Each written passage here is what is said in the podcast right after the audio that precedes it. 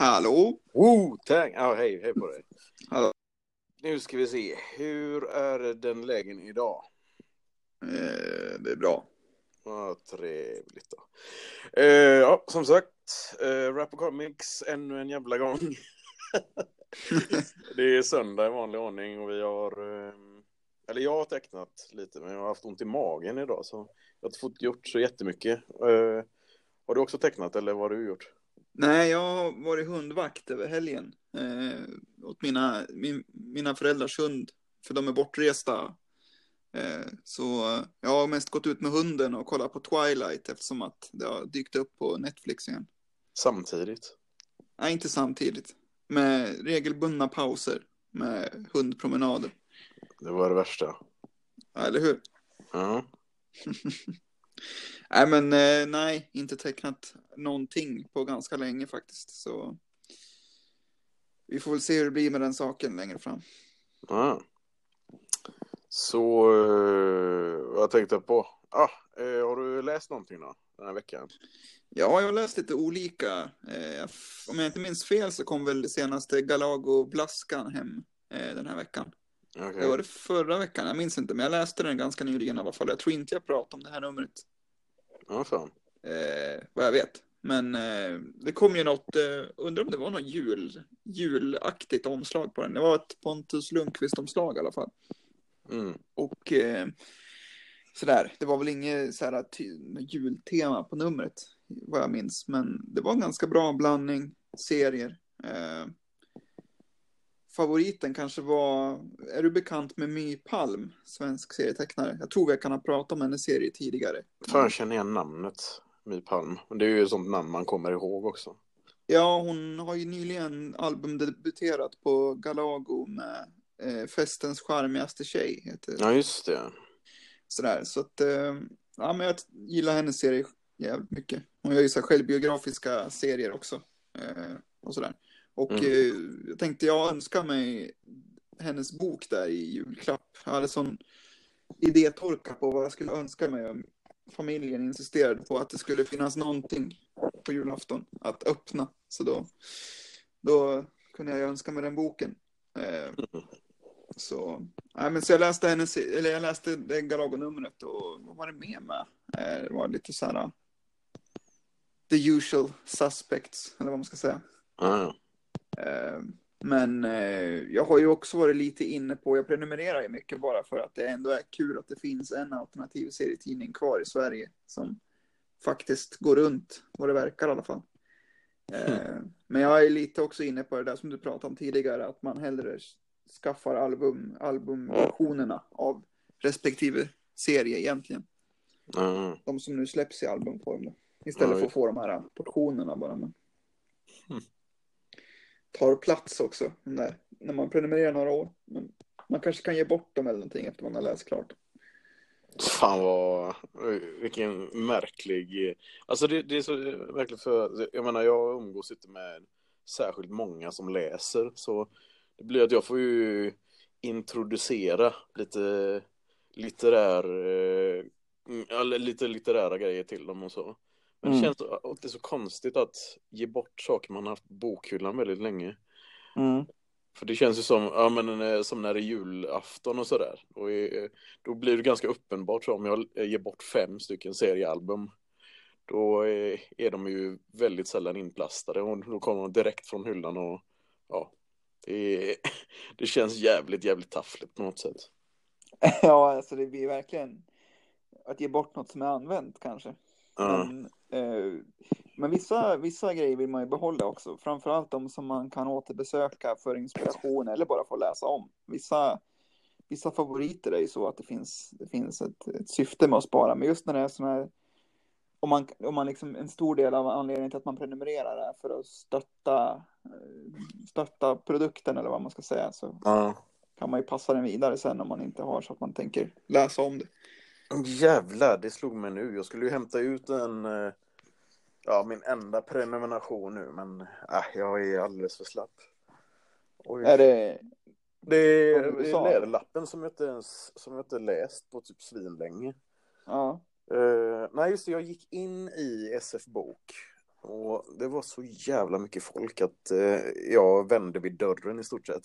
Ja, juletider. Ja, nej, det det, det, är lite så att jag glömmer av vilken årstid det är. Mycket för att, eller mycket på grund av att jag, jag ju, jag fick lite julstämning förra veckan när jag bakade lussekatter hos farmor. Men eh, ja, den gångna veckan har varit så jävla mörk på något sätt. Så jag har inte, jag har ju liksom typ tappat både dygnsrytm och verklighetsuppfattningen i stort sett.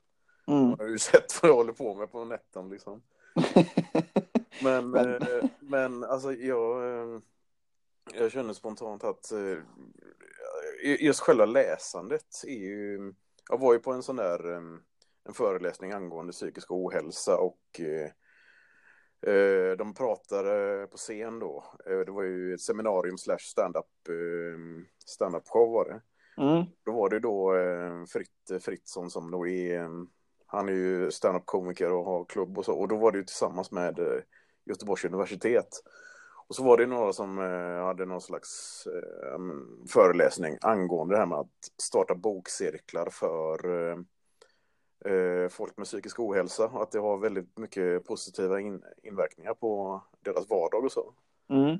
Att det, det kanske kan, ja, i vissa stunder kan det vara så här smärtstillande till exempel. Ja. Just som att, eh, jag menar det, det är en väldigt, eh, det är ju väldigt vanligt så, eller det var ju vanligare förr, som att man läser bra mycket mer när man är hemma och är förkyld eller har feber. Eh, mm eller måttlig feber i alla fall. Eh, men då får, det är ju först och främst då man får läst väldigt mycket. Ja.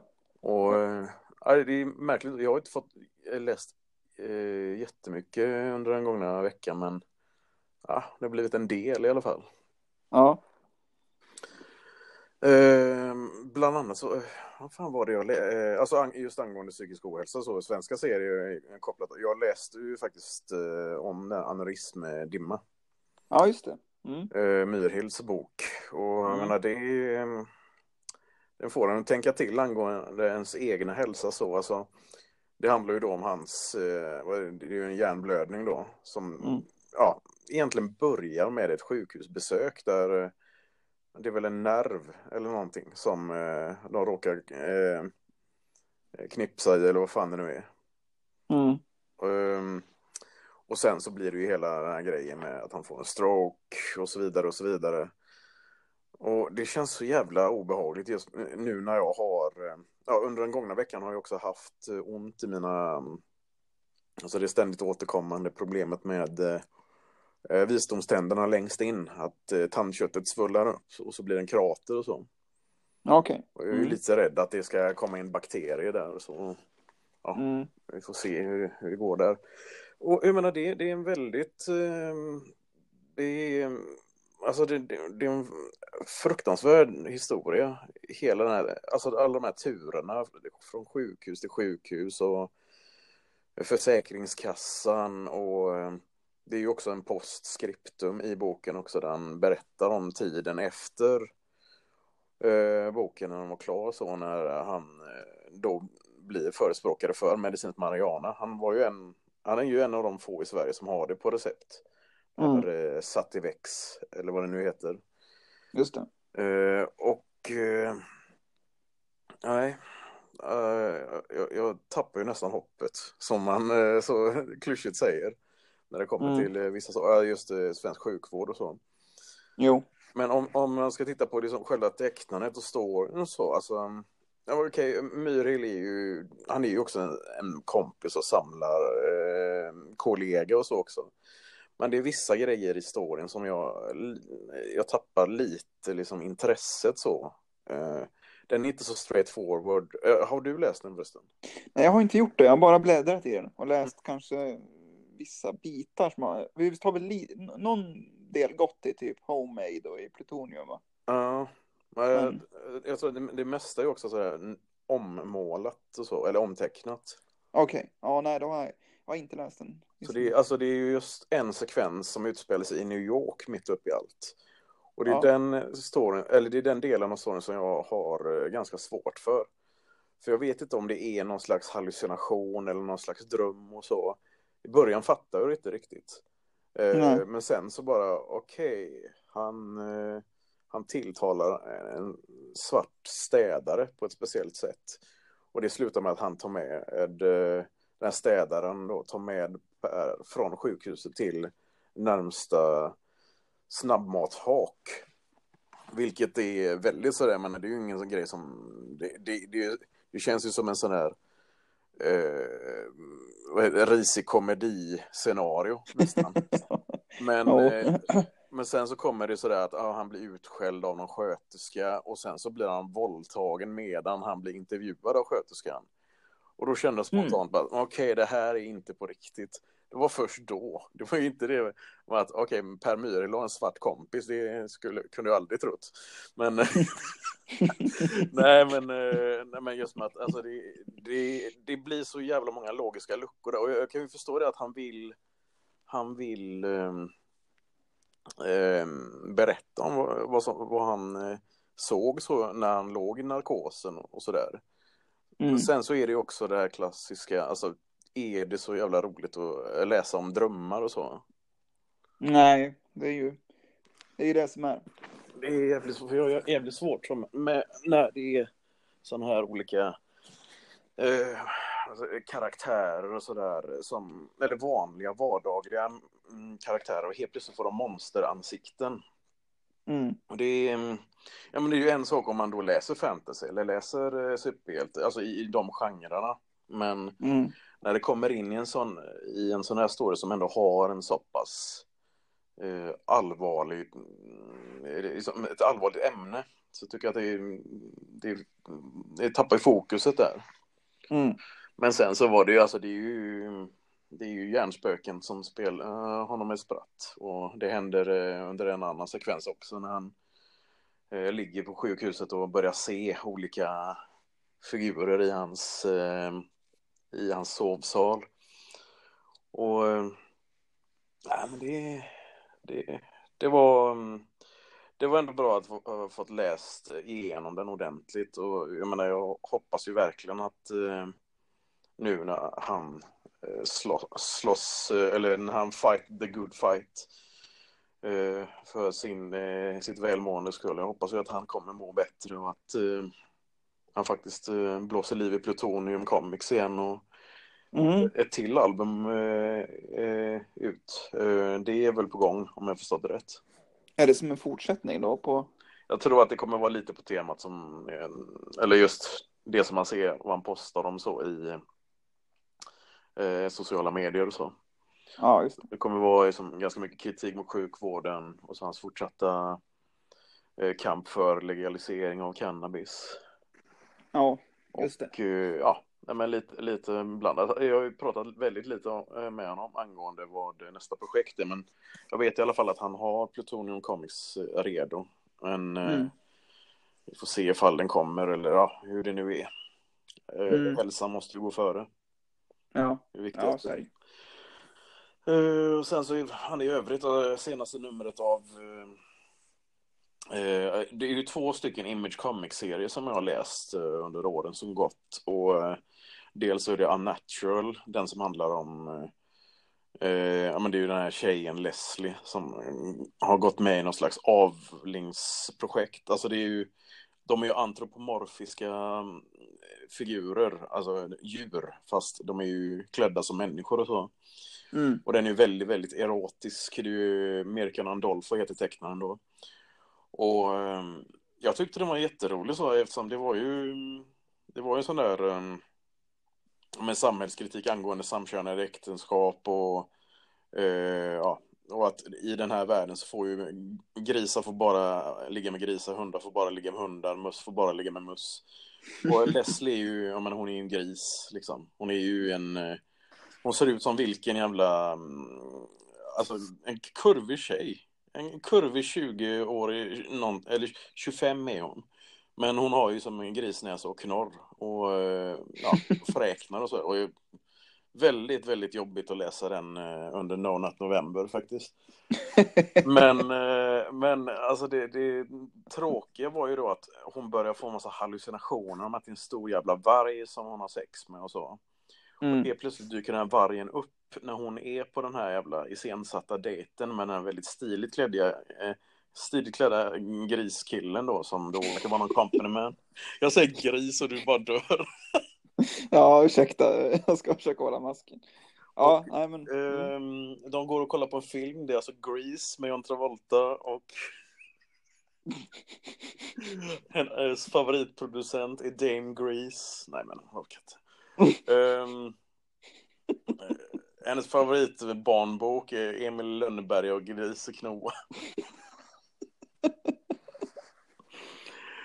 Hennes favorittecknarfigur är Musse Pigg. Ja, just det. Nu. Ja, vart var vi på riktigt? Det var... Hennes favoritrappare, old school-rappare, är Swagmaster Bacon, så okej, okay, bra. Nu får vi det undanstökat. Ja. Eh, men eh, alltså det, det, var väldigt bra story så fram tills då eh, när det visar sig att det är någon jävla konspiration och att det är någonting som går långt tillbaka för hennes bästa kompis Trish som är någon slags hipster-tjej med mm. piercingar och hon har hon har sån halvrakad frisyr sådär som sådana alternativtjejer har. Ehm, hon är mm. en mus, Robin. ja, i alla fall. Men hon går i alla fall till någon sån här professor som har varit föreläsare i någon jävla grej och uh, han har då pratat om att det fanns en stam för väldigt många år sedan där det var fri kärlek och alla hade sex med alla. Och mm. ja, det slutar i alla fall med den, han dör ju då. Jag kommer fan inte ihåg vilket djur han var, men Trish, hon blir också dödad. Och helt plötsligt så kommer den här jävla vargen och så flyr de och då visar det sig att det är någon jävla sekt som ligger bakom allt. Och bara, vad fan, då är det någon jävel med getmask som eh, styr oh. hela den här jävla organisationen. Eller det är inte ens en getmask, jag tror det är så jävla flodhästskelett han har rätt på huvudet. För det är så avlat. Det ser fan. jävla konstigt ut i alla fall. Mm. Eh, men eh, i senaste numret så är det då, då flyr ju Trish och den här jävla eh, vargen då. Hittills har man ju bara sett den här vargen i de här jävla sexdrömmarna. Och han är så här vit varg och oj oj oj, de har en massa erotiskt eh, fabeldjur sex på bild. Men här är, eh, i nutid så är han liksom, ja men han, han har hoodie på sig och han är, mm, han, han verkar vara väldigt, väldigt arg. Mm.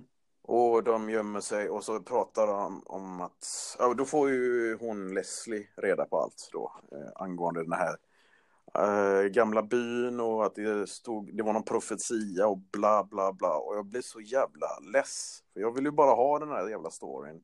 Kunde man bara haft det med att, men nu lever de i det här eh, universumet och så kommer det vara sådär, ja men polisen jagar eh, sådana här eh, sam eller, eller sådana som eh, går utanför, eh, som det är som är i lagen. Men nu, att det ska vara sån jävla konspirationsskit, det blir jag så jävla arg på.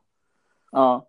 Eh, jag kommer ju tyvärr fortsätta läsa den, men jag blev så jävla, jag är så jävla sur över att jag köpt de första tre numren. Och nu när de är inne på volym, eh, jag vet inte, nummer fem, det vill säga volym två. Kommer bara fortsätta och fortsätta. Mm. Det var jävligt pissigt. Mm. Eh, vad ska vi säga, Snot Girl. Eh, Brian Lee O'Malley's bok. Eh, om mm. eh, bloggaren som eh, har en, den stora hemligheten att hon, är, hon har såna superråa jävla allergier. Mm.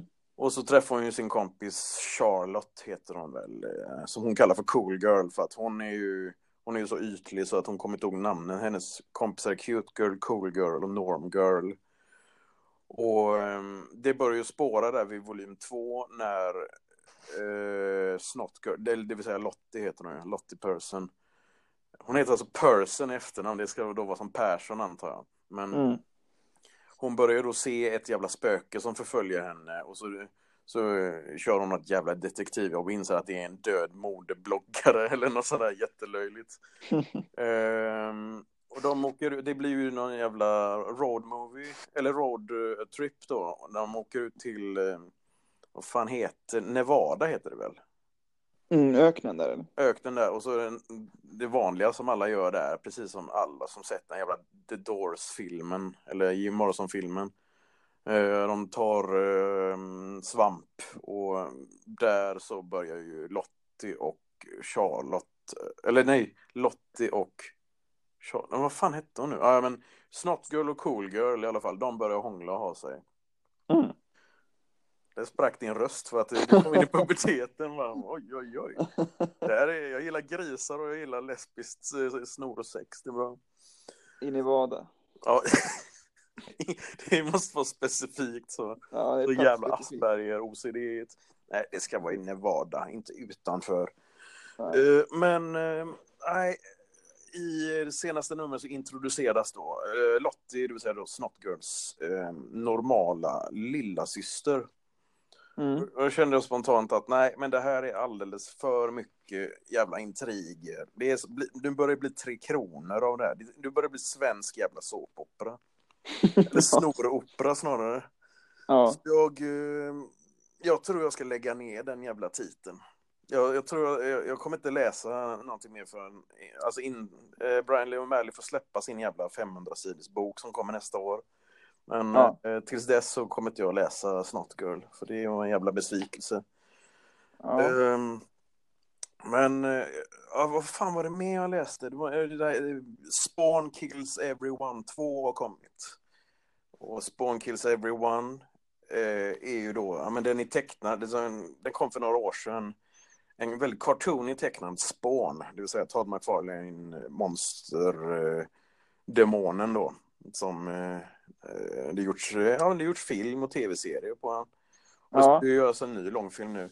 Men eh, för, alltså, jag kommer inte ihåg vilket år det var. Det, eh, det var i alla fall eh, Spawn Kills Everyone var lite av en sån där, det är ju lite av en parodi på det här med, eh, vad fan heter det nu?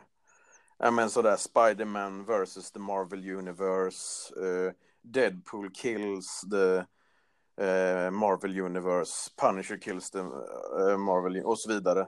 Men det här är ju Ja. då att, eh, att han, Spawn, han går på någon jävla Comic Con och så dödar han alla som är där på plats. ja, det är väl, han är väl som, som en baby nästan va? Eller Ja, ja men exakt. Han är, han är som, han ser ut som, jag tror, jag men jag tror till och med karaktären kallas för Baby Spawn. Ja, okej. Eh, och ehm, ja, jag bläddrade igenom den, tyckte den var ganska mm, basic faktiskt. Eh, men eh, ja, den senaste då, nu ska jag inte säga men, jag ska bara, ja, jag läste den senaste och den var ungefär lika barnslig. Han får massa, han går på toaletten, vilket eh, jag kan relatera med just nu när jag har min jävla magknip. Och han bajsar ut massa små, jag vet fan de är runda av någon jävla konstig anledning. De, eh, jag trodde först att det skulle vara som den här karaktären Clown som då är Spawns fiende, det vill säga den här rundlagda monster eh, demonclownen som eh, är ute och jävlas med honom hela tiden. Det är han som förvandlar sig till Violator lite då och då när han ska klappa till Spawn. Mm. Men de här såg, de såg ut som Chili Willy ungefär, den jävla, jävla Universal eh, som är någon jävla hacke hackspett polare. Mm. Och då, alltså hans, han, de är sådär 50-60 stycken och han har dem på bordet och säger jag ska äta upp er och sen ska jag kräkas ut er från fönstret eller något sånt där. Mm. Och det var ju väl ungefär det som jag som jag eh, la på minnet när jag bläddrade igenom den. Det var sånt jävla... Jag, jag har blivit så... Alltså, det är väl lite så, när man är uppvuxen på Simpsons och South Park och så nu också Family Guy så, så när man ser sån här, det kommer ju sådär Happy Tree Friends och all sån här jävla bullshit också. Ja, det just. ska vara gulligt och våldsamt. Det blir ju automatiskt jävligt matt för eh, vad heter den? I Hate Fa- Fairyland är ju en av de st- storsäljande serierna, fantasy-serierna nu. Och det är ju Scotty Young, han tecknar ju då. Det ser svingulligt ut och väldigt cartoony, men eh, det är galet jävla våldsamt. Jag tror att jag, jag, jag för mig att jag recenserar ett, eh, ja, några av numren i ett tidigare avsnitt, eller för några år sedan. Men att Mm. det, här är, det här går i samma linje och jag, jag tycker det bara är så jävla... Jag menar det, det är så jävla snyggt men det är... Fan jag ser hellre, då, då ser jag hellre på tecknad film i så fall. Ja. Och Baby Spawn, mitt anus verkligen. Jag ska äta upp den tidningen och spy ut den genom fönstret. ja. Ja, nej, jag kan tänka mig. Av att döma av det jag har sett så har det inte sett ut som någon superkul grej direkt. Nej. Men sen så, det har ju kommit lite andra grejer så också som jag hade tänkt att läsa. Ehm, jag menar den här Batman Who Laughs har ju kommit eh, nu som eh, med en egen tidning, det vill säga den här mm, om Batman blev eh, Jokern. Och det är ju från den här stora storyn som inträffade. Eh, vad fan hette den nu? Ja men det var det Batman Metal när det var alla de här olika universumen som eh, kolliderade och så var det olika superonda läderlappen som eh, var tvungna att ja, bekämpas. Eh, men nej, jag läste lite Archie Horror också. Det var ju mest bara för sakens skull. Mm. Mycket av den här Robert Aguirre Sacasa. Alltså, Archie Comics gjorde ju, de hade ju sin de gjorde ju faktiskt ganska mycket skräck, om jag förstått det rätt, på 60-70-talet. Mm. Det var ju det här, um, deras andra label, Red Circle Comics, som då släppte bland annat den här Black Hood och så släppte de uh, uh, ganska råa sådär, Easy Comics-liknande. Jag tror att det var, det var, lite om att de slog mynt utav att det fanns Easy Comics. Då körde de, de kallade det för Archie Horror, eller men, jag tror att nej, det hette nog Red Circle Horror. Och nu mm. nyligen så har det kommit en, eh, en samling då. Jag såg, eh, jag såg det sist nu i veckan när jag var och plockade upp några tidningar att eh, det har kommit en sån samling på eh, eh, vad fan heter det nu, Trade Paperback. Ja. Och den hette, vad fan hette den? Den hette faktiskt The Chilling Adventures of, uh, om det var Archie Horror, Nå något sånt där i alla fall. Mm.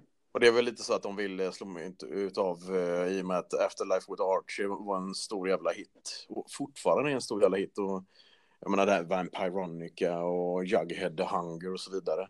Så ja. att uh, de, de, eh, de vill flagga för uh, de absolut äldsta grejerna. Och det tycker jag är lite ballt så eftersom när det varit eh, från då Archie Comics, när de då har satsat på att ge ut gamla grejer så har det nästan bara uteslutande varit antingen då Archie, alltså Aki-serierna då. Mm. Eller så har det varit, eh, fan heter den nu? Eh, är det Josef och Pussycats? Jag funderar på det. Men de mm. har ju, ja men de har ju, de har ju sina olika serier i alla fall. Uh, och uh, ja, nej men det, det såg ganska ball ut faktiskt. Men jag, jag får se ifall jag orkar djupdyka i det. Mm, och de blir några, några tv-versioner av eh, skräckserierna eller om det kommer implementeras i nu känns det ju nästan som att de använder lite sådana element i vanliga Riverdale. Men ja, just det. vore ju coolt med en eh, varulvs eh, Jughead och en vampyr Veronica i någon form. Kanske, men det skulle ju då inte vara i Riverdale utan det skulle ju passa bättre att ha någon standalone på något sätt. Ja, det är fan frågan alltså. Ja. Om de ändå, om, de, om uh, Berlanti Universe hade en annan tv-serie att jobba med, de kunde slänga in det. Mm. Ja. Nej, men det händer ju inte. Uh, I alla fall. Uh, nej, men uh, fan, alltså, jag, jag vill försöka komma in på det här med, hörde du Arkivsamtal när Fredrik Jonsson var med? Ja.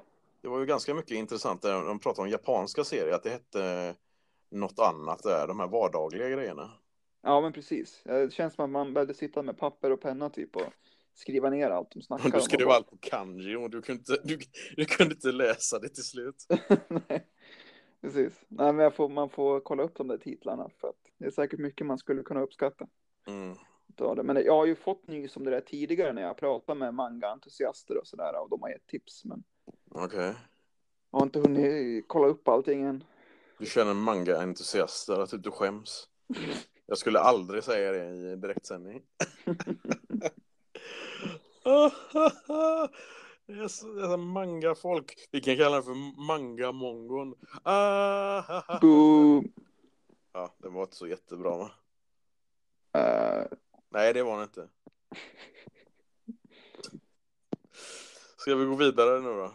Nej, men nu går vi vidare. Ja, vi går vidare i livet. Det är sista sändningen. Robin vill inte ha med mig att göra nu när jag var så elak mot honom. Är det en sändning verkligen? Podcastsändning är väl att det är just det är inspelat från. Det är väl en sändning det är. Ja, det kanske är. Det är ju inte direktsändning, det är ju det. det, det, det är väl det man säger så, sändningen sponsras av. Fast nej, men då är det väl oftast direktsändning när de säger det va? Streaming. Ja, det, jag vet inte fan om det är... Nej, jag vet. Semantik and comics, välkomna. Semantik, av alla jävla ord jag kunde använda. Uh, ska vi prata om Rolly Fingers nu? Ja, men det tycker jag. The Rebel INS. Mm. Uh, vad heter han mer? Uh, På Instagram heter han ju INStagram. Jaha, fan. Lite finurligt. Ja, inte jätte, men... Nej, men alltså, jag funderar, har han flera än... Alltså, det, Inspector Deck är ju då... Den och så Rebel INS. Det är ju de namnen som han använt. Och sen så inom Wu Gambino så var han ju Roller Fingers. Finns det något mer jävla namn? Är det han som är The Fifth Brother också? Nej, eller? Jag kommer fan inte ihåg. Uh... Nej, jag kommer inte på något mer heller, utan det är väl de. Det visar ju också vilken jävla dålig sin Deck eh, har varit väldigt länge. Och det är väl det som också gör att han är extra intressant. Just med, uh, alla älskar ju hans jävla... Han är ju grym när det kommer till de här jävla introverserna. Mm. Det är oftast man sätter Inspector Deck först och så får han eh, vara uh, ja, men huvuddrapparen då. Ja, precis. Eller eller, huvuddrapp, eller liksom inle den inledande artisten snarare. Ja, men han hade ju liksom mycket utrymme på, man tänker ofta att han är en doldis, men sen så när man väl lyssnar på skivorna, men han tar ju mycket utrymme på debuten där, som är liksom, ja.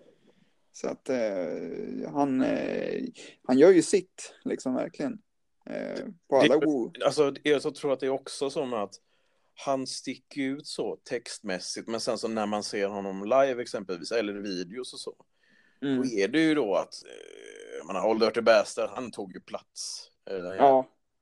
Eh, Method Man som var stor och charmig och hoppar och var vild och sen så Rayquan och Ghostface, eller Ghostface framförallt då med sina flamboyanta klädesplagg och morgonrocken och siden och eh, stora guldörnen och allt. Mm. Och ehm, ja men det, det, jag skulle nog säga Mask Killer, Jessa och uh, Inspector Deck, det är väl de som är de som bara ser ut som men det är vanliga medelålders män på bussen i mm. Brooklyn, eller vad fan som helst. Mm. Ja, det som får Inspector Deck att sticka ut ofta är väl hans, eh, så han, hans grej verkar vara så oversized kepsar som han har väldigt långt, alltså med skärmen väldigt lågt så att man knappt ser ögonen. Typ. Den här trendspaningen sponsras av Robin Hot Couture Larsson. Så är det bara du som lägger märke till de här jävla kläderna när det är hamnarbetarsvägen här. Ja, men eh, alltså så här, st stora kepsar är ju egentligen inget nytt inom hiphop, men, men han bär dem på ett väldigt speciellt sätt, för han har dem ofta rakt fram och väldigt lågt. Och, och eh, ofta är det så, här så att han måste ha öronen innanför kepsen och sådär. Men vad fan, det har man väl? Nej, jag anser att man inte har det. Alltså att... Eller nej, nej, keps, nej för fan, då har man öronen ute. Ja, vissa det, är bara, har ju... det är bara en jävla däck som, han har så jävla stora, eller han har så små öron så de åker in ändå. Ja, exakt. Eller, eller så är det kepsarna som bara är bara gigantiska. Mm. Vilken ja, han är, vad är det? Bära keps sådär. Har ja. Men det är, det är tur också att man har en sån som Inspector Deck bland de här äh, galningarna liksom i gruppen. Alltså han, som en jämvikt är han ju också viktig. Han och uh, ja, men Masterkilla till exempel. Och ja, just. Gissa. Så. Men äh, ja, Uncontrolled Substance, det är ju en skiva med en ganska speciell historia i och med att den eh, var ju planerad långt tidigare än, än, än vad det faktiskt blev sen. Eh, mm. Bland annat på grund av den här Eh, översvämningen i Rissas studio. Då, som, eh, han ska ju ha haft ett färdigt album där, alltså han, som skulle heta Uncontrolled Substance, men mm. Som ska ha låtit väldigt annorlunda och som ska ha haft mycket mera Rissa-produktioner än vad den här skivan fick. Då. Så jävla tråkigt att det var just en okontrollerad substans som förstörde den skivan. Ja. jävla vatten alltså. Ja. Fy fan. Regn Ja. förstörde allt. Kranvatten. Ja. Ja. helvete. fan. Men eh, lyckligtvis så fick jag ju ändå ihop eh, ja, ett album till slut, även om det var... Det här är ju på, på samma sätt så är det lite av ett... Eh, ett, eh, ett ihopbygg. Eh, på samma sätt som han gjorde med eh, eh, Tikal. För Tikal var ju, den led ju av samma. Men den här tog ju verkligen sin tid. Mm. Och det är jävligt... Eh, det är jävligt... Alltså, eh, nu, jag har ju inte... Jag har aldrig ägt den här skivan. Jag vet att jag lyssnade på den för något år sedan så... Eller det var väl då när vi hade våra otanga retrospektiv och jag bara kände, ja men vad fan, det är väl lika bra att jag lyssnar på den. Jag minns att jag gillade den då. Och sen så nu när jag ändå lyssnat igenom den Uh, nu under veckan så har jag bara insett att fan, det här är en sån jävla... Det är en sån jävla dold juvel det också. Mm. Det här är väl också den skivan som folk anser är den bästa Inspector Deck-skivan. Mm.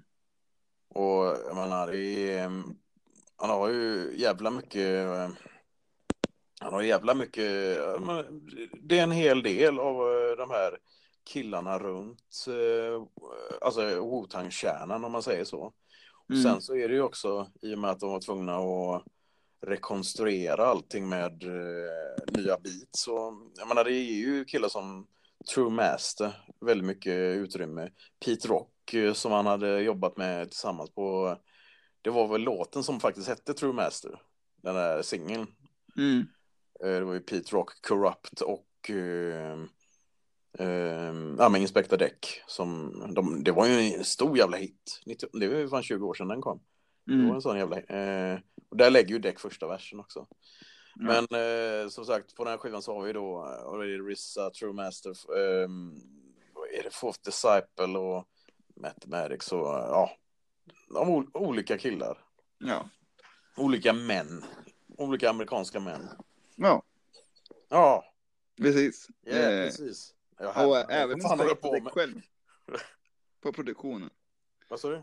Även Inspector Deck själv på produktionen också. Ja, just det. Han proddade sig egna. Han kände det att det var ingen idé att fråga Riss efter så jävla mycket beats också när han höll på med sin jävla eh, maskerad-skit som vi lyssnade på förra veckan. Han var visserligen med på den skivan lite snabbt, men ändå. Ja, men det känns som att många hävdar ju typ så här att det som, det som gör det som hindrar Uncontrolled Substance från att vara en eh, certifierad Woo-klassiker är att Rissa inte var med mer. Men samtidigt så känner jag att det var, kanske var bra i och med hur Rissa var på den här tiden. Runt Ja. 99, runt millennieskiftet liksom. Nej, men det, det är ju... Det, det visar ju också att... Eh, jag menar, det, det visar ju också att det, de, de har ju sånt jävla stronghold. Bara kolla på förr, eller kolla på när vi... Eh, när vi lyssnar igenom, eh, eller när vi diskuterar Capadonnas skiva The Pillage.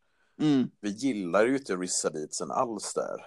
Det var Nej. väl någon som var bra där, men jag menar, det var ju Goldfingers och... eh, Men fan var det mer? Ja, det var ju hela den, eh, det gänget av Mm. producenter av eh, Rissas Disciple som eh, fick skina. Ja. Men eh, ja, ska vi hoppa rätt in på det nu då? Eller rätt, rätt på albumet? Uncontrolled Substance. Vi hoppar på, på skivan precis som han hoppar på omslaget där. Vad är det på polishuv, eh, polisbilshuven va? Ja, vi ser hans, hans Woo-logga är ju, är ju då såklart ett eh, förstoringsglas. Eh, och sen så är det han som hoppar på någon bil och någon polis, eller någon knarkhund där kan jag tänka mig, som skäller på honom.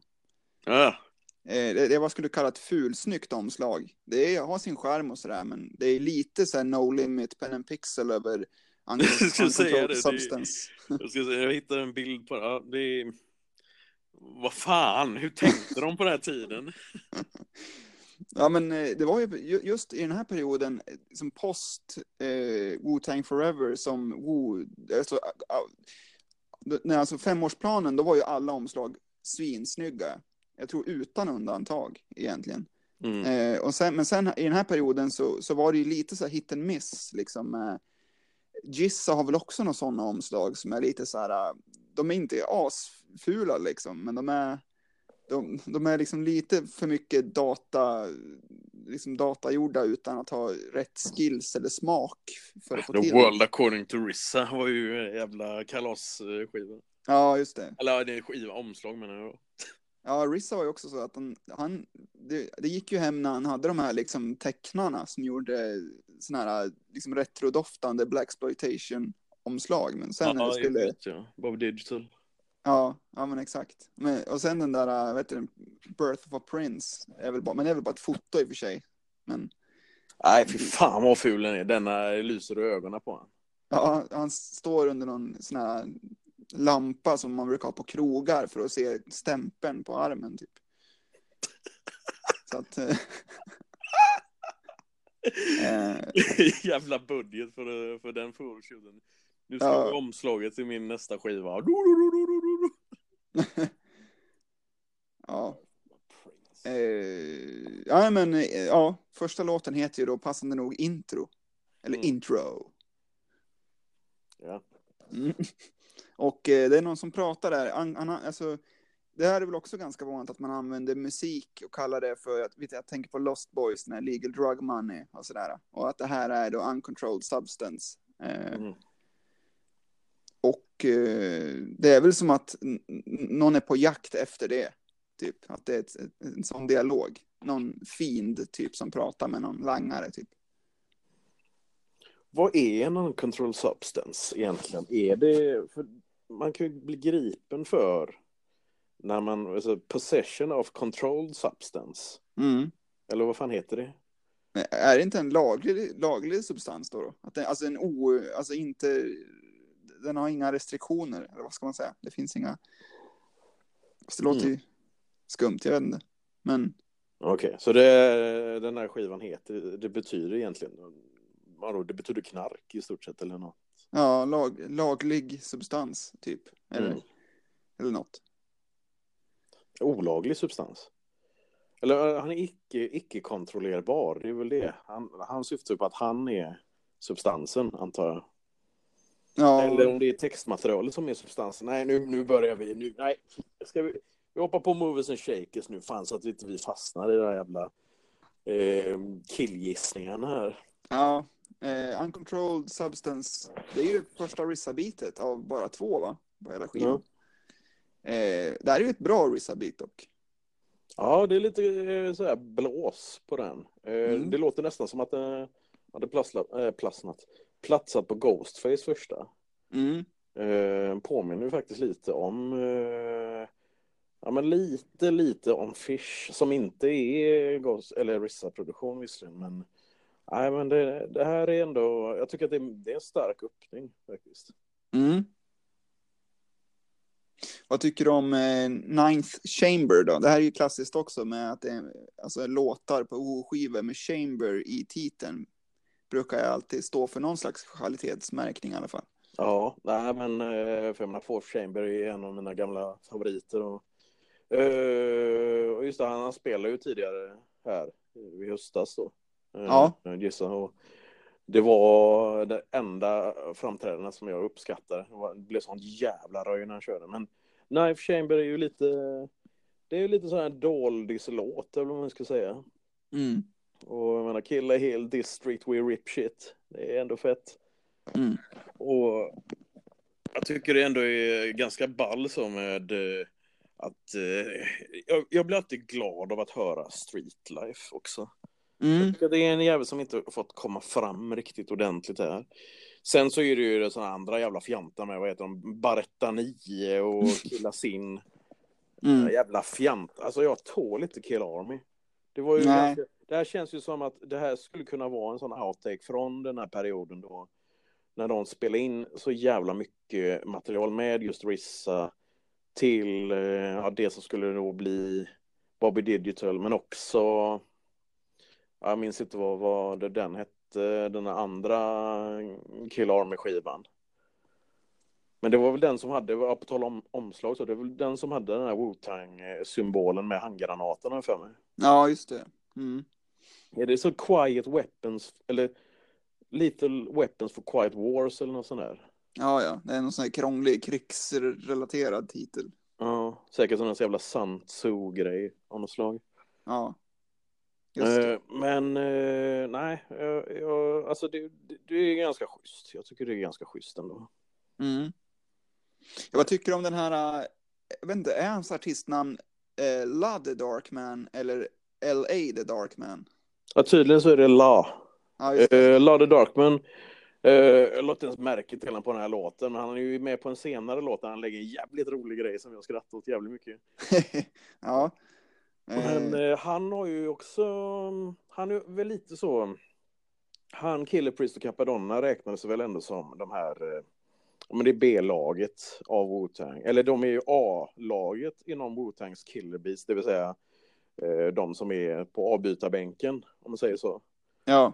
Men eh, jag har faktiskt aldrig lyssnat på de här. Jag minns bara att skivan var, hade ju den, den har ju nästan blivit lite, lite ikonisk den också. Just hans version av Wu-Tang-loggan som ser ut som en eh, slags Zorro-mask. Ja, just den där lila prylen va? Ja. Och, eh, men har du, har du någon relation till hans album som han ändå verkar ha fått släppt? 98 kom det någon som heter Heist of the Century. Ja, men det är just det, det är den, Heist of the Century med det omslaget. Ja. Eh, aldrig hört den faktiskt. Det är, får kolla upp den.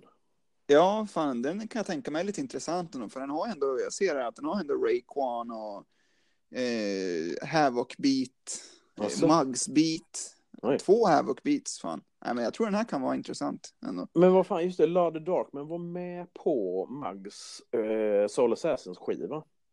Okay. Jag tror det är väl också därför som han har blivit sådär med, eh, att han har blivit lite bundis med eh, ja, folket kring och Cypress Hill och eh, ja, så att han har blivit lite av en sån utbrytare på det sättet med att okay, han, han hänger med Wu-Tang men han har ändå clout när det kommer till andra, vad ska man säga, akter och så. Mm. Så det bara blir att ja, men han är en i entouraget då som bär våra skivor eller vad man ska säga. det är alltså en kille som har, faktiskt har en eh, en eh, egen rapkarriär. Det är inte som Buddha Monk som bara är ett bihang eller den här jävla, vad fan hette han, Christ Bearer, han som, eh, ja, han som eh, hade en väldigt avsnoppad karriär. Tack ja, så mycket, tack mycket. ja, för er som undrar, alltså Christ Bearer var ju han, det var ju på nyheterna och att eh, han var med i någon jävla under undergrupp till Wu-Tang och sen så tog han PCP och skar av sig snoppen och hoppade från en bro. Så därav avsnoppande kommentaren där. Men ja, vi fortsätter med, eh, ska, vi, ska vi gå till titelspåret nu? Mm. Uncontrollable substance, jajamän, inspektören han kör vidare. Mm. Och här också, det blir väldigt tydligt så med, i och med att här har vi ju då eh, Däck eh, som spelar första fiol. Han är ju, det här är hans skiva. Och jag tycker mig ändå eh, jag tycker ändå att hans flow på något sätt att han, han är någonstans mellan AC och Noriega. Mm. Ja, men det är en bra beskrivning. Det, är inte det, alltså, för de, de har den här typen av nasala staccato-flowet.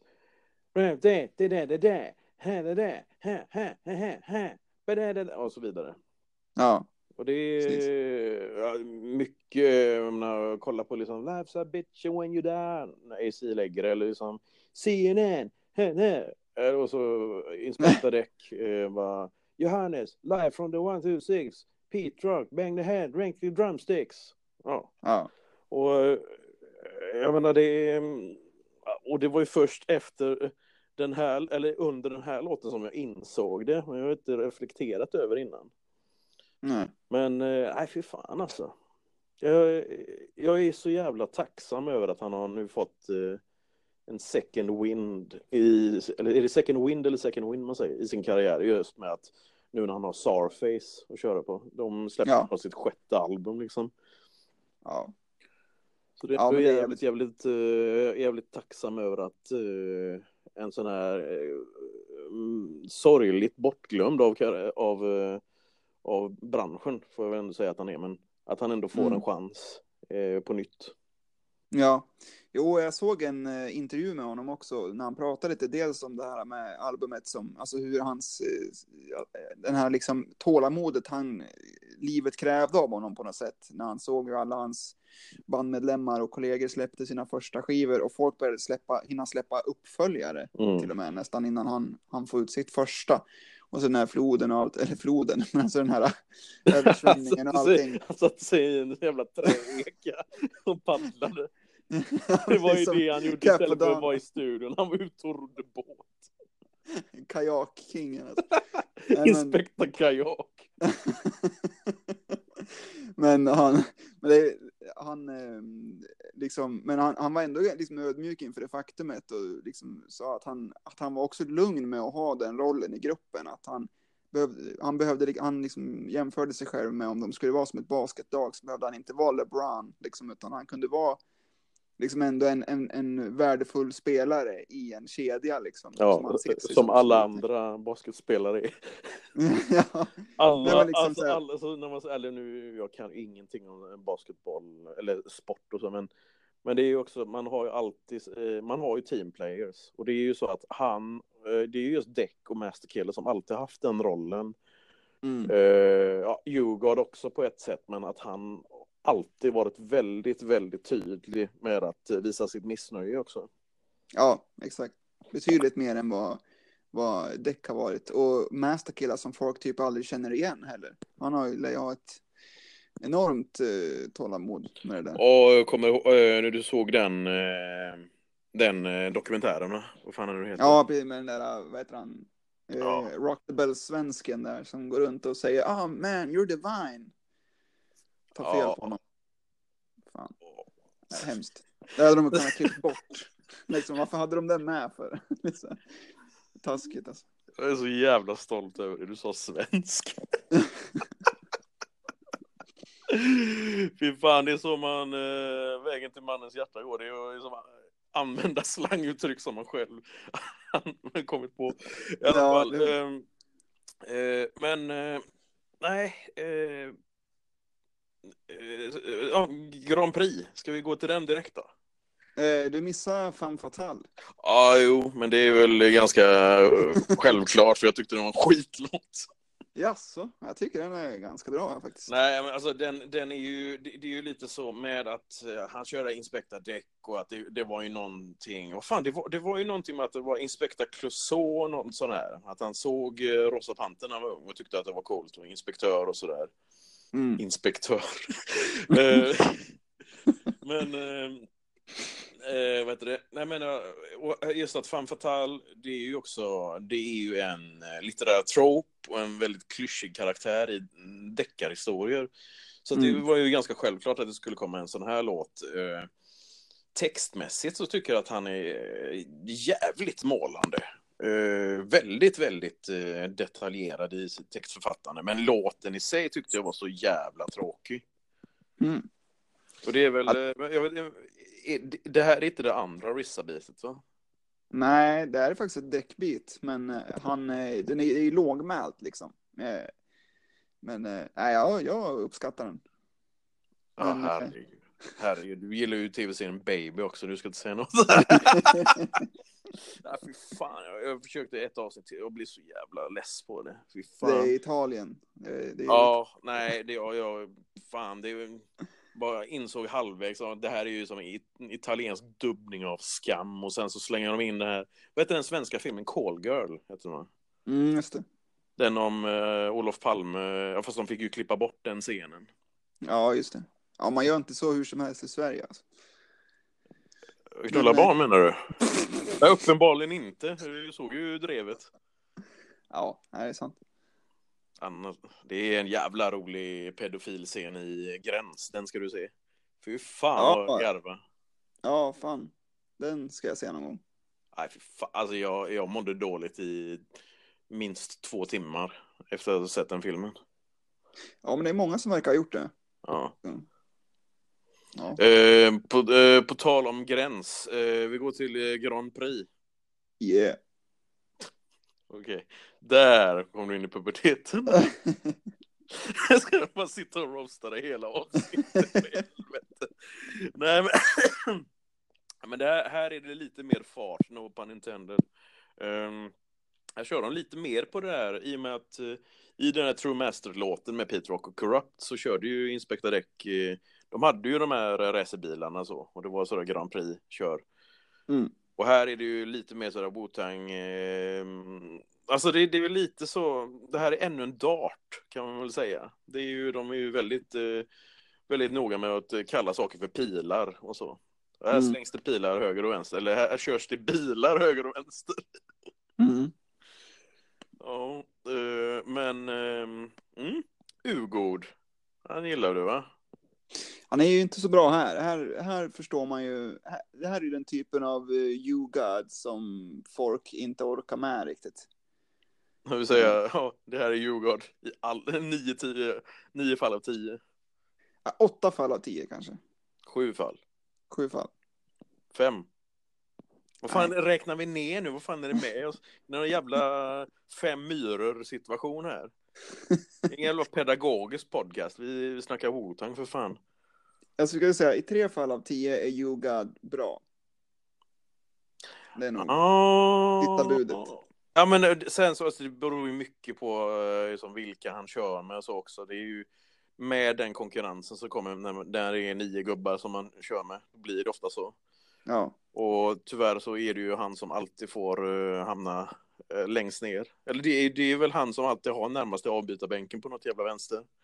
Ja, men han har liksom inte heller någon känsla för att bygga upp en vers på ett bra sätt det här med att det ska finnas en, en stark öppning och ett starkt slut och sådär. Utan det är som att han är mitt i någonting. Det är som att han, den här låten, att han skulle ha liksom det här är en, en mittenparti, en lång dubbelvers eller någonting. Alltså det, det är det som ofta förstör för honom, kan jag tycka. Och det är, alltså jag, jag tycker inte att han gör inte bra ifrån sig. Uh, jag förväntar mig inte att han är så jävla jättebra egentligen. Sen så har jag ju också, uh, jag har ju faktiskt lyssnat på en del av hans senare grejer som jag faktiskt uppskattat ändå. Mm. Men uh, ja, det är väl under, alltså, jag kan tänka mig att han kanske då sparar på krutet till ja, soloskivan, Golden Arms? Det är väl den som vi kör nästa vecka? Japp. Yep. Och nej, men uh, jag vet inte fan, det, han föll mig inte i smaken. Och det, det är så jävla tråkigt att säga så med att man ska favorisera andra medlemmar i en grupp och så, men nej, fan det är Golden Arms, du gjorde det inte den här gången heller. Nej. Eh, men han kommer ju snart igen. Men först kör vi Forget Me Not, spår 7. Det är eh, Dex Förgät mig ej sång, kan man väl säga. Vadå, sjunger han om blomster eller vadå? Baby, sweet love, girl. Är det, den, är det det han säger? Det är, väl, är inte det på Fan Fatal han säger det? Va? Nej, nej, det är ju denna. Ja, det är det. Okej. Okay. För jag bara liksom, vad, vad fan hette den här låten? Så var jag tvungen att kolla, men den heter Sweet Love. För, förgät mig ej, vad är det för, jaha, då var det alla blomsterlåten då. Ja. Jävlig Black Exploitation, tycker jag. Mm. Och jag, jag gillar ju Black Exploitation nu, tydligen. Nej, men jag gör ju det faktiskt. så, så jag tyckte ja. det, var, ja, men det var lite cool så. Ja. Jo, den är, den är bra. Sen så eh, är det den efter där som eh, är, har med um, Djurgård. Mm. Vad heter den? Jag, jag försöker läsa mina anteckningar. Det står Lodoxolody. Longevity va? Ja, just det. Longe longevity, ja. Just det, jag bara Lodoxolody. Jaha, jag har skrivit med vänstra handen. Alltså, det ser ut som någon det ser ut som någon har fått en stroke halvvägs i en jävla inköpslista. Uh, Okej. Okay. Och så är det ju uh, Judog. Vad fan, jag har skrivit Judog. fan. Är inte det han? Uh, jag, jag vet i alla fall, alltså han är ju... Han är ju väldigt... Uh, menar, det är ju Ghostface och Method man räknas väl som serietidningsläsarna så. Men uh, här lägger han ändå, han snackar om Galactus och Lone Ranger och lite sådär superhjältar. Så det tycker jag var lite coolt. Och, och jag menar, det är ju någonting som faktiskt kommer vara som faktiskt kommer vara ett återkommande tema i hans karriär då, inte minst nu med hans eh, nuvarande gruppsituation.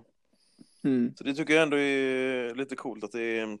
Alltså det är ju alltså det är en sån jävla bra rad. Eh, Här också, vad fan är det här? Den är så jävla talande för hans karriär. Som du var inne på det med att, nej men, eh, Inspector Deck verkar ju räkna sig som en sån pleasure delayer med att han, eh, då, då, vad är det, Inspector Deck, han take you to court efter att han inspekterar folk och ser att man ljuger och checkar den och så. Men Mm. han säger vad det är, casuals everything around me, eh, surrounding me with champagne wishes, but I got long distance and strong visions, eller vad fan det nu är. Mm. Och jag menar, det, det, där- det där speak volumes angående hans, eh, ja, hur han ser på sitt artisteri. Mm. Så det tyckte jag var, det var, det var nog min favoritrad på hela skivan, faktiskt. Mm. Ja, och eh, beatmässigt tycker jag att det här är liksom en, en, ett bra exempel på det som säger Wu-Tang runt den här tiden, soundet som jag uppskattar. Liksom. Mm. Det, det, det låter väldigt Wu-Tang efter 97, alltså mellan 97 och 2000 ungefär. Eh, så att, eh, nej, det känns fett. Bra, bra liksom halvtid här, får jag säga så långt. Det är liksom... Är det halvvägs nu? Ja, jag skulle säga det ungefär. Mm. En, två, tre, fyra, fem. Jo, men det blir det. Ja. Eh, så, så här långt så tycker jag ju liksom att skivan redan nu har övertygat. Eh, sen är det ju lågmält liksom. Det är inte, det, det är liksom jämför med typ en, det går inte att jämföra med en ODB eller Method Man skiva liksom. På, på det viset som de tar plats och, och liksom är, eh, liksom, vad ska man säga, man kan väl inte säga att man är animerad på, på svenska, men alltså så att det är liksom så, det här är, det här är ju en annan typ av Wu-Tang skiva liksom, än vad Mm. deras grejer är. Men det är stabilt liksom, jag, jag ska inte säga att det är någon, det är inte någon låt som har varit så här kass, men jag vill slänga i papperskorgen liksom, än så länge. Uppenbarligen så hörde inte du fan fatale. Nej, Nej, men jag, Ja, men den gillar jag tal ändå. bakom- Jag gillar ja. den på något sätt. Den- Eller jag tycker inte den når hela vägen fram som allt annat, men det, det, det är ingenting som jag tyckt var... Alltså det är väl lite som med Djurgårdens eh, prestation på, eh, på G, eh, Grand Prix. Jag, jag har skrivit GP här, jag tänker på Göteborgs-Posten. Men eh, nej, det, det är sant som du säger. Ja. Eh, och sen då i den absoluta mitten av skivan, det är väl inte heller, men eh, det är ju, då är det ju Word on the Street som är väl första singeln, va? Är det? Eller om det var, det är väl åtminstone den låt som blev mest populär från skivan, som har en video som, eh, Aha. och sådär. Jag tror att det var liksom den, den ja, den fick sitt eget liv, den eh, Word on the Street. Ja, jag har inte sett någon av videorna så jag vet faktiskt inte men det är... Fan, det är... Jag har varit så jävla dålig på att kolla upp eh, videos och så till de här släppen men... Ja men det hade jag nog velat se ändå. Ja, och det här är väl lite den här, det här är väl också lite så här spionthriller nästan. Alltså, och både hur, vad, vad texten handlar om och eh, med hur beatet låter Mm. på något sätt. Och, och jag trodde ju så jävla länge att han säger där i början, one time, han säger så one time for my ass. Men det säger han ju inte, utan han säger one time on my ass. Att han Va? inte Vad sa du? Vad trodde du att han sa? sa du? one time for my ass. Jag fick aldrig ihop varför i helvete skulle han säga one time for my, alltså ungefär du vet så här, okej, ge mig så high five for my ass. Alltså det är så här, va? Men det är ju on my ass då, när jag väl kollar upp. Jag får låta det sjunka in lite. Det är så här unge Robin, han har ju såna jävla roliga grejer ibland. Vad fan? Men det låter verkligen som att han säger one time for my ass om man lyssnar på låten utan att kolla upp det sen. Eh, Men det är lugnt, han har ju tänder i munnen så hans dick guts to fit. ja, just det. Luke alltså, fy fan. Åh fy fan. Ah, det gör ont när jag skrattar. Det är som den gamla klyschiga... Au, au, aj. Ehm, och nu så blir det... Alltså, det här är ju också en sån här återkommande grej i Wu-Tang med att de kör på varandras beats. Mm. Ehm, förra veckan så hörde vi ju, ja, då var det ju faktiskt en låt som heter Project Talk där eh, det var ju Bobby Digital och, ja, vem fan det nu var som gästade skivan, som körde på Wu-Tang-låten Projects, eller Wu-Tang-beatet Projects. Mm. Inspector Deck körde ju på ett uh, jackbollsbeat på en senare skiva. Utan Mm. att uh, han verkar bry sig om uh, det, det, men uh, han bara körde på det. Och här är ju det då, här är det väl, vad heter den, Stay True från Supreme Clientele. Ja, just det. Och ja, helt jävla obrydd så bara lägger han bars på den här. Mm. Lite sån här, eh, han, det är lite som hans eh, Heaven or Hell från eh, Only Built-skivan. Ja, ja, men det kan man säga. Det är exakt så. Och jag menar, det är... Jag, eh, jag är inte den som är den, så jag, jag, jag ger den en pass enbart för att jag gillar bitet. Mm. Eh, och det gör ingenting om att jag har hört den i, i, ett, ja, i, annat, i en annan situation, eller man ska säga, i ett annat eh, sammanhang. Mm. Jag tycker det bara är schysst. Mm. Inte mig emot. Nej. Eh, så, ja, men det, och nu har vi en låt som heter... eh, Ja, är det Loving You med Lade Darkman? Ja, en, eh, en av skivans eh, höjdpunkter. Är det det? Ja, det skulle jag definitivt säga. Det här är en av de låtarna som, det är väl typ den här och Word on the Street som jag ser som, som eh, tillsammans med några andra som en tycker är höjdpunkter faktiskt. Det, det, jag tycker att den är ganska unik också. För det är väl någon form av så här Wu-Tang kärlekslåt. Eh, som är Mm. både unik i det sammanhanget och, och generellt sett också. Så, Ja, nej, men nu när du säger det, alltså det är ju ytterst få kärlekslåtar. När man tittar på Wu-Tang, jag menar, är, ofta så handlar det ju som bara om ren kåthet. Till exempel låtar som eh, vad är det, Kamei och Ice Cream. Och så ja, precis. Eller så är det de här väldigt umma kärleksförklaringarna. Black All Shampoo. that I got is you och You all that I need to get by och Dog shit. Bara massa jävla Wu-Tang relaterade skämt som typ tre pers fattar när de lyssnar på det här. Men ja. ändå. Eh, Ja. Och jag menar det, det, det, är exakt, det är exakt som du säger faktiskt. Jag, jag har nog fan aldrig hållit med dig så jävla mycket som i det här avsnittet.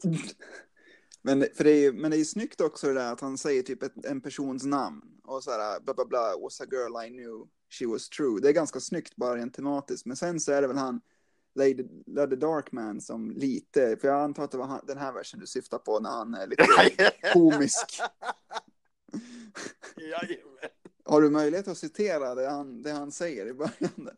Uh, she was an actress. Uh, hon var soft as a mattress.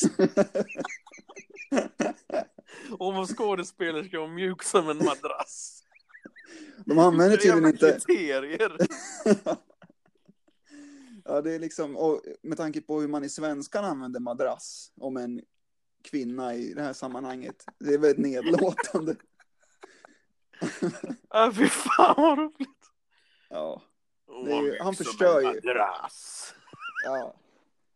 Ja, han förstör ju lite, eller ganska mycket.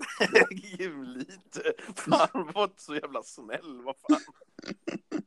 Det är som, det är Wow, här har vi femrättersmiddag. Oj, oj, oj, vad. Nej, men kolla.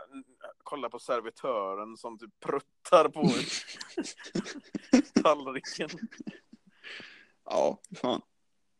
Vilken jävla... Nej, skridsko alltså. Vilken jävla skridsko. Fy fan. Mm. De borde Mm. sätta honom på plats. De borde, de borde ta Darkman och slänga honom i... Nej, fy fan. Usch. Det finns bara en bra Darkman och det är Sam Raimis film. Ja, just det. Ja, för fan. Men eh, i övrigt så har vi också en, eh, en låt som jag eh, anser vara en av de bästa. Och det är också för att jag jag tänkte, alltså jag tänkte på det när jag lyssnade på skivan. Eh, Just med att fan, de har ju samplat eh, Marvin Gayes Trouble Man eh, soundtrack. Som är ju, det är en gammal eh, Blaxploitation-film. Och så är det då att Marvin Gaye hade producerat den. Och sen kollar jag på vad låten heter bara. Ja men vad fan, den heter ju Trouble Man. Shit. Så det känns Mm. jävligt logiskt. Men, så det här tyckte jag var väldigt, jag menar den var väldigt soulful också. Jag gillar också att den är så jävla simpel på det sättet. De, sjö, de sjunger en variant på en av de gamla refrängerna också. Nej, jag uppskattar det verkligen. Mm. Så det var, nej, det här är, det är Ja, bra. Ja. Bra vibb. Eh, Rec Room. Eller, se nu, Trouble Man är ju också ett Pete Rock-beat. Det är lite intressant. Ja, nej men det, då är det ju... Det säger ju sitt att, menar, då har han ju haft med uh, The Brother number one. Ja. Och det är ju det är klart som fan att det kommer in en sån typ av sampling då. Så det är... Allting går enligt planerna. Japp. Eh, Rec Room. Där har vi ju eh, gamla mixtape-favoriten då, som eh, var en av få som hade eh, skonats från eh floden. ja, just det. Eller översvämningen. Precis. Ganska lågmäld låt, men bra. Ja, jag, jag, kan förstå att folk faktiskt, eh, och det var ju det som, jag hade ju, det var ju i The Source då jag hade reklam för den här. Då stod det ju som innehåller hitlåten eh, Rec Room. Jag förstod inte, i och med att det inte fanns någon video så, så jag fattade inte hur det hade gått till, hur den hade blivit en hit, men just att det, då fanns en sån här mixtape, eh, eh, att det fanns en mixtape-scen där man kunde höra skivor, eller nya låtar på ett helt annat sätt. Mm. Och jag blev faktiskt jävligt eh, glad över att höra låten eh, för första gången. Fan, jag tror... Nej, men jag, jag, tror fan att det var nog fan bara några år sedan jag hörde den här för första gången och bara... Aha, men okej, nu fattar man ju varför, eh, varför det var så populärt. Så med, om det var så där Big Cap och alla de här eh, Funkmaster Flex och allt vad fan de nu heter, alla de här Kid Capri som haft uh, ja, mixtape-låtar och så. Uh, eller mixtapes och så kommer däck in mitt uppe i allt. Ja.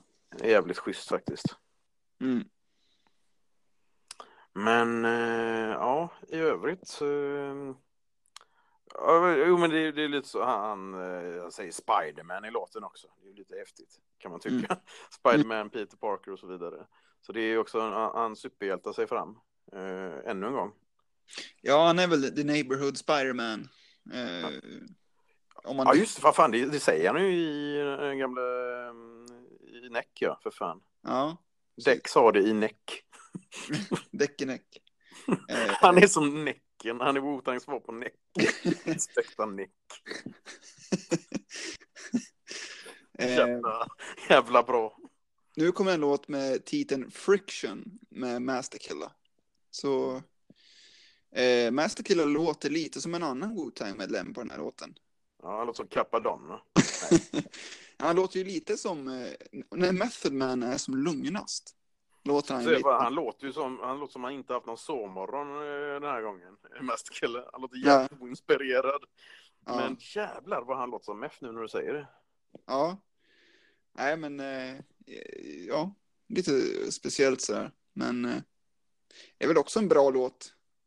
Eh, det, det, det, här är ju den andra Rissa-låten också. Mm. Så. Ja. ja. Eh, Hyperder Hyperdermix, spår 15. Säger man så? Det är ju, vad, är vad är hyperdermic egentligen? Det är, det är väl någon sån här... Eh, vad heter det? Det är väl någon typ av eh, kanyl? Eller vad säger man? Är det det? Ja, men det, jag har för mig att det är något sånt där. Ja, det kanske är. Jag har ändå läst uh, sjukvård och jag är ju svindålig på sånt där. Ja, men just ja, hypodermic needle och sånt där. Mm. Ja, jo, men det låter ju. Pins and needles, hypodermic needles and pins. I hope God forgive me for my sins. It all depends if I keep on killing my girlfriends. Ja, just det. And, ja. Var det jag som sa det den här gången? Vi fortsätter. Fan, att man inte hört de två hade jag velat höra på en låt tillsammans. Vad fan, varför Däck? Alltså Däck, kan inte du bara ringa? Han har lyssnat på den podden ändå, men Däck, du får fan ringa Aftermath nu. Mm. Pronto, tycker jag. Eller hur? Har någon ingång? Jag försöker fundera på vilka han hänger med, om han har någon. Eh. Ja, det är frågan. Ja, det är jävla mycket spekulation det blev i det här avsnittet nu. Vi, vi går vidare till, heter låten Fragile, vad fan har jag skrivit? Nej, det är väl Show and Prove väl nästa va? Oj, nej, vänta, ska vi inte prata om uh, Hypodermics? Jo, det kan vi göra. Den är ju... Det, det, det är lite småkuslig, vilket jag uppskattar.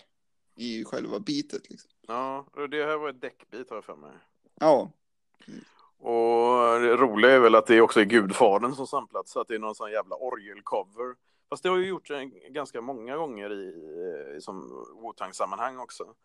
Mm. Men äh, fan, de, de gillar ju verkligen att hitta sådana här rare grooves. Det här verkar ju vara något sån här men någon har gjort en cover på, något band har gjort en cover på Gudfadern eh, soundtracket. Och bara, ja, men eh, nu får ni höra den här versionen istället. Mm. Lite, lite ball ändå. Ja. Tycker jag personligen. Ja. eh, show and prove då. Det är väl, här har jag satt en guldstjärna också. Näst sista spåret.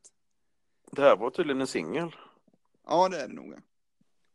Men eh, ja, jag tycker väl den är okej okay, så. Det, den, eh, det, det, var väl inte lika... Alltså, det är väl den här som har någon jävla... Det är någon skum jävla producent på den här va? Ja, Blacksmith. Ja. Vem fan är de? Ja, ingen aning. Vem är de? Vem, vem är han? Ja, den heter ju den heter The Blacksmith. Smiths. Mm. Herregud. På slutet. Hallå, Sir Larsson här, vad händer? så jag vet inte om det är ett, ett, gäng eller om det är, alltså typ som, om det är en sån här trackmasters personer eller. Mm. Jag vet inte, men. Eh, den, den, här känns ju lite, jag vet inte hur Dex kopplingar till Nation of Islam och sådär är. Men den känns ju lite så, lite religiös nästan. Det är nog ganska svårt att undvika så när man är med, eh, ja, man hänger med resten av killarna i det sällskapet. Ja. Jag tror att det kommer automatiskt. Ja. Men, eh, ja, men det, är inte, det är inte dåligt i sig. Jag menar, det, det sägs ju ganska intressanta saker i den där läran. Så, ja. ja. Visst. Fan vad vi, vi är så jävla diplomatiska när vi ska prata om religion. Vågar inte säga någonting. Nej. Ståndpunktskillarna, kingarna. Ja, precis. Mm. Eh, avslutande spåret är The Cause. Och Streetlife igen. Streetlifes tredje vers. Ja, nej, men det är, jag tycker det är bra att han är med. Ja. Är, han förtjänar en plats i, i rummet. Men är inte Streetlife lite som, var det, inte, det kanske du till och med har jämfört med att han är lite som Spliffstar? Alltså att han är så här att... De, ja, det är väl med... Mettermans Spliffstar. Ja, men exakt. Och att de är så här, de eviga följeslagarna, men som aldrig riktigt fick den chans de förtjänade själva. På något mm. sätt. Men det, det är väl, eh, vad ska man säga, alltså de, de försöker ändå, men det överskuggas av eh, deras, eh, vad ska man säga, deras läromästare. Ja, alltså jobbig sits också. Fatta att ha liksom ens närmaste kompis och kollega är Method Man eller Busta Rhymes. Och så ska man liksom försöka dela rampljus med den personen. Det är ju liksom, vem fixar det liksom? Jag tycker den roligaste, det måste ju ändå vara uh, Memphis Bleak. Han har ju en rolig jävla karriär. Ja. Bara 15 år igen, han är med i Reasonable Doubt och han får hänga med i Jay-Z under mm. resten av sin karriär. Släpper mm. någon skiva då och då, men vad, fan gör han nu? Nej, han putsar väl skorna hos eh, Beyoncé eller något. Mm. Han, är, han är förmodligen mångmiljonär, men eh, jävlar vad han inte får gjort eh, musik när han är, har det jävla statuset. Det är jävla konstig, det är en konstig sits att vara i. Mm. Ja, och det där är ju svårt. Var det inte det som gjorde mycket att det var bråk mellan 50 Cent och The Game? Liksom så här, eh, The Game, alltså dels har det där skitstora egot, men sen också ha sin västkust-claim och så, så här vägra låta sig styras på något sätt. Eller liksom ta, eh, vad ska man säga, ta, alltså, ja men sitta i passagerarstolen lite grann. Liksom att man, mm. om man inte fixar det så blir det ett uppbrott rätt fort. Liksom. Och så var det väl också med, vad heter, vad heter han från Södern, Young Buck där också. Men det har väl varit lite mer fram och tillbaka. Ja, just det. Ja, herregud. Det där är ju en sån jävla röra. Mm. Men eh, okej, okay, eh, däck som sagt. Eh, eh, I och med att han, han har ju då, ja, till skillnad från alla de här andra, eh, så har han ju nästan sällat sig. Eh, han, han liksom, nej men jag, jag, kan ta den här bakgrunden, jag kan ta den här sittplatsen vid barnbordet på bröllopet. Mm. Uh, för en dag så är det hans tur. Och jag menar, vad fan, det är... Mm, han släppte ju, vad hette den, The Movement. Tyckte jag var en ganska bra skiva. Sen så var det en Resident Patient som då innehöll beats av uh, Mondi. Och då bland annat då Method to Madness-beatet som är första på Jackbollsskivan. Um, och sen så har det varit lite så, jag menar hoppa in på, hoppa in på Wu-Tang-skivor och gästverser och så. Mm. Och det är också, jag menar han, hans gästvers, eh, hans gästverser är ju legendariska. För att han har det statuset som han har. Ja. Men, eh, nej det var väl lite för en, eh, var det 2013, 2014 någonstans där när han började hänga med 7L och Esoteric och de fann varandra till slut där. Och det är faktiskt ganska imponerande att de ändå fått ut eh, fem jävla album. Varav eh, ett, ja, senaste kom i år. Det är ändå jävligt mm. schysst. Så, ja. eh, eh, nej men eh, har du lyssnat något mer på eh, Däck? De senaste grejerna han gjort, eller ja, det som han nej, gjort? Nej, det har jag inte gjort. Jag har ju liksom alltid varit insnöad på den här skivan och är väldigt glad över att den finns. Mm. och sådär.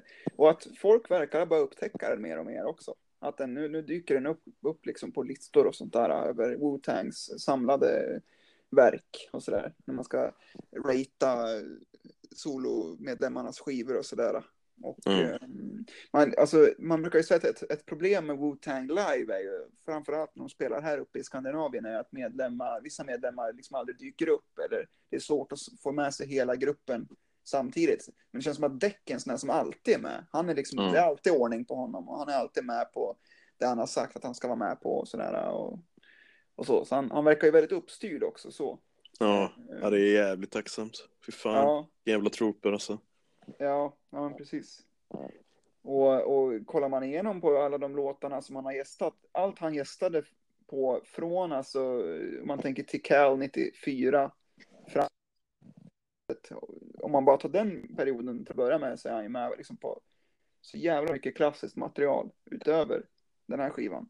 Mm. Och sen då med Xarface och hela den grejen är ju jävligt kul att se också. Så mm. Han håller sig relevant liksom. Men eh, eh, jag, skulle säga att eh, kolla igenom eh, det som har släppts eh, Ehm, det, det, finns, alltså, nu är ju då senaste Sarface en av mina årsfavoriter. Mycket på grund av att den heter då Sarface meets Metalface. Att det ju då är dels Evanello Esoteric och Inspector Deck, men också att MF Doom är med på hela skivan. Och det ska ju då vara, det ska då vara en uh, ja, men det ska vara som en cross, ett crossover-nummer i serietidningsfall, eller i serietidningar så brukar det vara så. Speciellt på 70-talet var det vanligt. Mm. Och uppföljaren till den ska ju då komma nu i januari. Och det kommer bli ganska fett för då ska ju Ghostface vara med. Oh, så det är alltså en hel skiva med Inspector Deck och Ghostface. Mm. Och den ska ju då heta Sarface meets Ghostface. Så det var ju ganska fantasilöst. Men de eh, kör vidare på det temat och det tycker jag är ganska ball. Ja, ja men exakt. Verkligen. Och jag måste också nämna en sån riktig Inspector Deck-favorit om man ska se till spår och gästningar och sådär är ju hans Gangstar. Låten av mm. Gangstar fick gjort på Moment of Truth. Den här Above the Clouds som är liksom en av de bästa Gangstar-låtarna som finns. Det är typ en av anledningarna till att jag klassar den som en av mina favoritskivor någonsin. Och det är ju ja. många purister som blir väldigt arga så när jag påstå detta, men äh, jävlar alltså. Det är, det är en fantastisk jävla skiva och mycket på grund av just den äh, insatsen han lägger där. Mm. Triple extra large, wild like rockstars och smash guitars. Just det. Mycket guld där. Ja. Ja, men grymt. Ja, för fan. Nu ska vi se om jag kan... Jag vet inte fan, jag skulle laga dalgryta idag hade jag tänkt. Men det blir nog inte av. Ja, okej. Okay. Nej, jag ska nog bara ligga och ta det väldigt lugnt nu med min jävla magknip här. Oh! Och det här avslutar ju då veckans Rap Comics. Eh, ni hittar oss på Instagram. Under namnen Johannes Agro och alias Robinism. Mm. Och har ni frågor så kan ni mejla oss inte för jag har glömt av mejlnamnet där så det spelar ingen roll.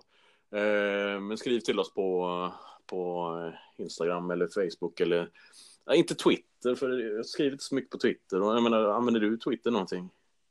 Nej, jag läser bara. Ah, det är bra. Då har du någon syssla på Twitter, det är bra.